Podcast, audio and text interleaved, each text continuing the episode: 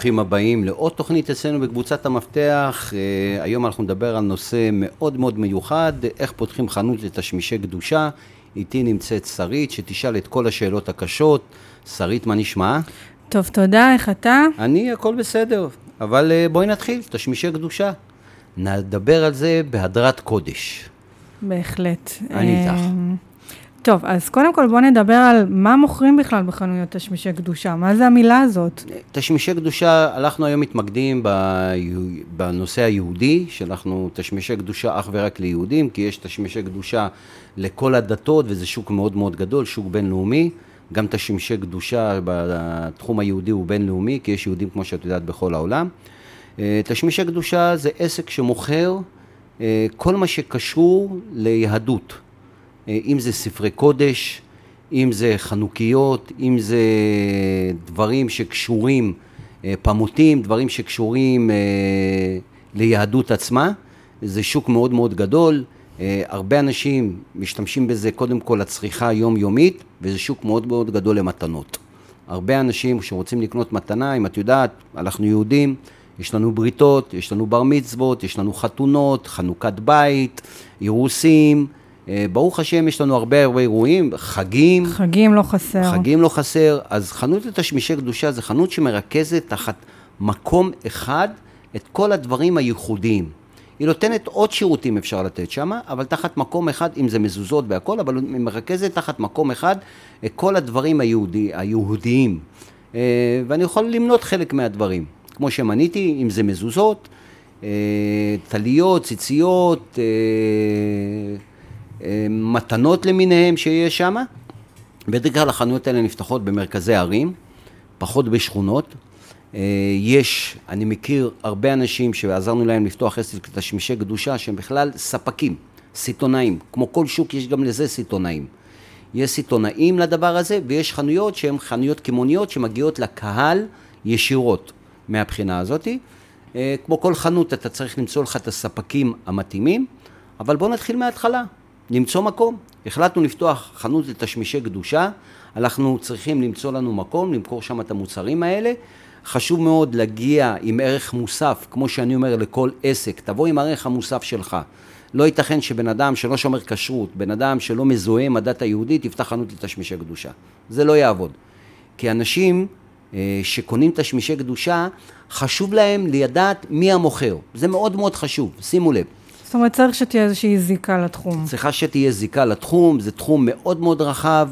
אה, אנחנו ברוך השם באים מקיבוץ גלויות, יש תשמישי קדושה לעדה הספרדית, יש לה- לחסידויות שונים, יש למסורתיים שונים, זה שוק רחב וגדול מאוד מאוד.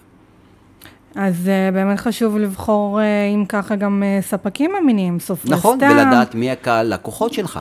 אם אתה פותח במרכז שהוא מרכז כולו ספרדי, אז תתמקד בתחום הספרדי. זאת אומרת, אם אתה לוקח מקום שיש שם את כל הקהל, אשכנזים, ספרדים, חסידות ודברים כאלה, אז אתה צריך למצוא ספקים שנותנים לך את כל המגוון. אני אתן לך לדוגמה, ספרי תורה. יש סידורים שאנשים אוהבים, למשל, בבר מצווה לתת סידור לילד, או בכ... טלית, בחתן תפילין. תורה, או מישהו, לא, כן, חתן תורה, או חלילה באזכרות שאתה רוצה להוציא לזכר של איזה מישהו ספרים, אז תמיד אתה עובד עם בתי דפוס, כי אתה מבקש את זה עם הקדשה ועם דברים כאלה, ואתה צריך לדעת, כמובן מי שפותח את החנות יודע, הוא שואל את הבן אדם איזה נוסח אתה רוצה, נוסח ספרדי, נוסח אשכנזי, איזה עיצוב אתה רוצה בדברים האלה, מה הכתוביות שאתה רוצה, את עובד גם עם גרפיקאים, את עובד גם עם הבתי דפוס, זה שוק מאוד מאוד גדול של הספרי קדושה. יש גם ספרי קדושה שהם כלליים, שאתה מוכר אותם, זאת אומרת שלמשל את הזוהר, ספרי הזוהר, או סידורים למיניהם, בלי הקדשות, בלי או דברים. את התנ"ך עצמו. או את התנ"ך עצמו, שאנשים באים וקונים. השוק הגדול ביותר שיש שם זה כל שוק המתנות, שזה פמוטים, שזה חנוכיות מיוחדות. היום שוק החנוכיות הוא ענק. יש כל מיני סוגי חנוכיות, כמו כל דבר התפתחנו בנושא הזה, אה, וגם שוק הפמוטים הוא ענק, והרבה אנשים קונים את זה היום כמתנות. אז הדבר הכי חשוב שדיברנו זה למצוא מקום, דבר שני, לבנות לך מאגר ספקים. לבנות את המאגר ספקים לפני, תעשו שיעורי בית, תסתובבו בחנויות, תראו, פשוט לקחת את המוצר, לראות מי מייצר אותו. על כל מוצר רשום מי מייצר אותו. ליצור קשר עם האנשים האלה. ליצור קשר עם הבתי דפוס, ליצור קשר עם היבואנים, אתם גם יכולים לייבא בעצמכם. הרבה מאוד אנשים מייבאים בעצמם דברים מיוחדים. חשוב מאוד שאנשים ידעו שבתשמישי קדושה אנשים מחפשים את הייחוד. מי שבא לחנות כזאת הוא מחפש משהו ייחודי. אה, יש עוד דברים שמאוד מאוד חשוב לקחת בחשבון, זה ההמלצות והחותמות. כלומר, כמו שאתה נכנס לחנות ויש שם את הכשרות, אז אומרים לך זה כשרות בעדה החרדית, זה כשרות של, אה, של הרבנות הרגילה, גם בתשמישי קדושה יש את הנושאים האלה.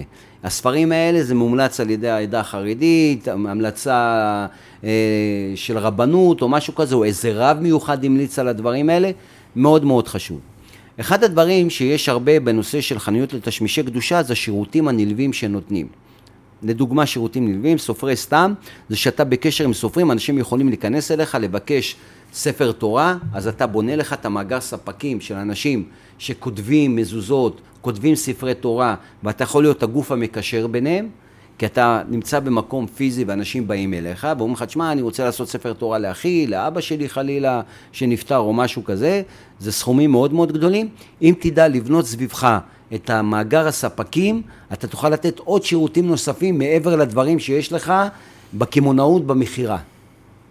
שיהיו לנו ספקים אמינים, אה, שייתנו לנו, שיספקו לנו בעצם מוצרים... אה, נכון, והיתרון שבחנות... באיכות גבוהה ומהודרים. היתרון, נכון, והיתרון שבחנות שאנשים יכולים ויזואלית לראות את המוצר, שזה מאוד מאוד חשוב. היום יש גם באינטרנט הדבר הזה, צריך לשלב את הדברים. אבל איך אנחנו נכנסים לעסק הזה? אז כמו כל דבר, ואני אחזור ואני אחזור ואני אחזור, בחרנו מיקום, עושים תוכנית עסקית. תוכנית עסקית למה היא טובה? היא תגיד לנו מה העלויות שלנו. שאנחנו נדע מה העלויות שלנו, מה העלויות הגבוהות, מה השכירות, מה הארנונה, מה העובדים, מה הפרסום שאנחנו צריכים לעשות. התוכנית העסקית גם צריכה להגיד לנו אם אנחנו הולכים לפרסום באינטרנט. אם אנחנו הולכים לפרסום באינטרנט, איזה פרסום? ברשתות החברתיות, דרך אתר אינטרנט, דרך הוואטסאפ. איך אנחנו בונים את הקהילה מסביב לעסק שלנו, ואיזה אמצעים אנחנו צריכים בתוך העסק שלנו, ודיברנו על זה, המלצות של רבנים, אה, עבודה מול ספקים כאלה. ברגע שיש לנו את כל הנתונים האלה, אנחנו בונים תוכנית עסקית. התוכנית עסקית תגיד לנו פחות או יותר מה הרווחיות שהולכת להיות שם, מה המחזור, מה ההוצאות, וכמה כסף אנחנו צריכים לגייס בשביל תוכנית כזאת. עם כמה כסף אני צריך לבוא כדי לפתוח עסק, כמה יעלה לי המלאי, מה יעלה לי הפרסום, מה יעלה לי השלט, מה יעלה לי ארנונה. ברגע שאני יודע את הכל, אנחנו נדע גם מה המחזור פחות או יותר שאנחנו רוצים. תזכרו להביא לשם הרבה דברים ייחודיים. אנשים באים לשם כדי לראות משהו שהם לא, לא, לא ראו במקום רגיל, וזה גם חנות מתנות לכל דבר. וכמו חנות מתנות לכל דבר, יש בזה גם עונתיות. עונת החתונות, עונת הבר מצוות, עונת האירוסים, בקיץ עובדים יותר, בעומר עובדים פחות, גם את הדברים האלה צריך לקחת בחשבון.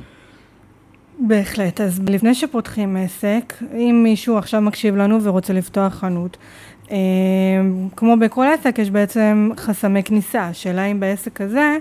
יש חסמי כניסה גבוהים, האם קל אני... להיכנס לזה, האם זה עסק רווחי? קודם כל יש חסמי כניסה. חסם כניסה הראשוני שדיברנו זה שאתה צריך להיות מהמקצוע, שאתה צריך להבין את המקצוע הזה, שאתה צריך שתבוא עם איזה גוף המלצה כזאת, שמכירים אותך, שסומכים עליך, בן אדם שקונה ממך תפילין, הוא צריך להיות שהם למהדרין, ואמרת לו שהתפילים האלה הם טובים, הוא סומך עליך. רוב האנשים לא יודעים לבדוק את זה. אז זה החסם כניסה הכי חשוב. הדבר השני, זה לעשות עבודת הכנה כמו שצריך.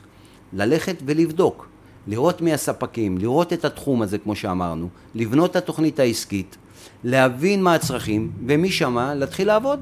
אוקיי, okay, אז בואו נדבר אם כבר אה, על קהל היעד. חוץ מעוברי אורח, איזה עוד קהלי יעד יכולים להיות? תתפלאי, אבל ביודאיקה ובתשמישי קדושה, כולנו קהל יעד. כל היהודים הם קהל יעד. אני מכיר, דווקא החילונים באים הרבה לחנויות תשמישי קדושה.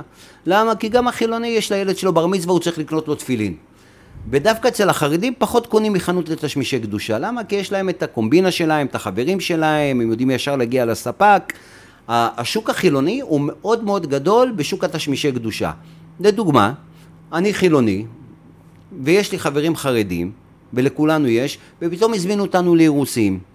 אז לא מקובל להביא כסף באירוסים, זה לא חתונה, אז אתה קונה משהו, לאן תלך? לחנות לתשמישי קדושה. ואז הם ישאלו אותך מה אני יכול להביא לאירוסים, מה מקובל, אתה צריך הרבה ידע, תשאל אותם, אשכנזים, ספרדים, מה האירוסים, מה הסוג של האירוסים, ואז אתה יודע גם מה לקנות וגם מה להציע מהבחינה הזאת. אז דווקא להבדיל ממה שהרבה אנשים חושבים, שוק תשמישי הקדושה, הקהל החילוני הוא צרכן מאוד מאוד גדול שלו. נכון. באמת לפני שאני קונה מלאי, אמ, אני צריכה לבדוק איזה השקעה ראשונית עליי לעשות. זה התוכנית העסקית. ומה זה כולל. זה התוכנית העסקית שדיברנו עליה. עכשיו, עוד משהו מאוד חשוב במלאי, לא להחזיק סטוקים. פשוט מאוד. תשמישי קדושה זה לא... גם בתשמישי קדושה... וזה לא בשר שאתה צריך להחזיק כמויות גדולות. אנשים רוצים לראות מבחר, זה כמו חנות למתנות. אנשים רוצים לראות הרבה דברים. מבחר.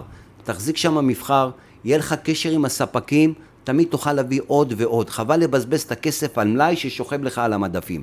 למלות את המדפים, למלות אותו במגוון מאוד מאוד רחב, ולהציע שירותים נוספים, כמו שאמרתי. אה, אתה רוצה סידורים עם אה, הקדשה? אני, יש לי קשר עם בתי דפוס, כי הבן אדם הנורמטיבי הרגיל, הוא צריך 12 סידורים, הוא צריך 15 סידורים. הוא לא ילך לבית דפוס ויזמין 50 או 100 או 300 סידורים. אז הוא יבוא לחנות תשמישי קדושה, תגיד לי, אתה יכול לסדר לי 12 סידורים? אתה יכול להביא לי אה, שתי תפילין? אתה יכול, אני בדרך כלל אומר לך, תשמע, אני עכשיו הבן שלי בר מצווה, אני רוצה לקנות לו תפילין, אבל בהתחלה אני גם רוצה להניח איתו תפילין, ולי אין, אז אני רוצה שתיים. זאת אומרת, זה השוק, זה השוק, והשוק הוא שוק מקצועי.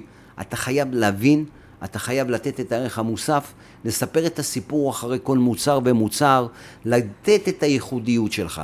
ברגע שעשית את הדברים האלה, לחשוב על השיווק, תזכרו, אמרנו, ארבע כללים, מיקום, תוכנית עסקית, הבנה, ואני אפנה אתכם לעוד תוכניות שיש לנו, נוהלי עבודה, נוהלי עבודה, שיהיה לכם נוהלי עבודה גם לכם וגם לעובדים, וככה תוכלו להגיע למימוש הפוטנציאל של העסק. אז uh, תודה לך, שרית. תודה רבה. ותודה שהקשבתם לנו, ואם אתם חושבים לפתוח חנות לתשמישי קדושה, אנחנו נשמח שתיצרו איתנו קשר. Uh, יש לנו תוכניות עסקיות, אנחנו נוכל לקדם איתכם את הנושא הזה, לפלח איתכם את המיקום, לעשות לכם תוכנית עסקית שתדעו בדיוק למה, למה אתם נכנסים.